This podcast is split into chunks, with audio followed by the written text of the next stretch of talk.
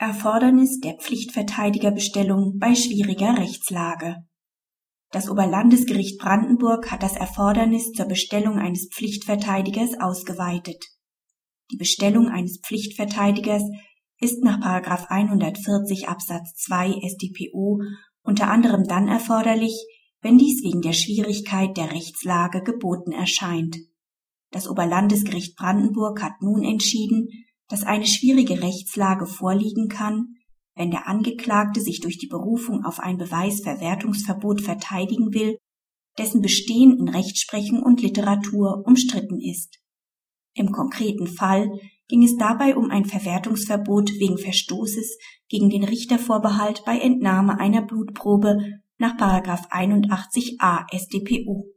Praxishinweis Wann eine schwierige Rechtslage im Sinne von 140 Absatz 2 StPU vorliegt, ist nicht immer leicht zu beantworten. Die Entscheidung des Oberlandesgerichts verdient Zustimmung, weil sie im Interesse des Angeklagten die diesbezüglichen Anforderungen niedrig ansetzt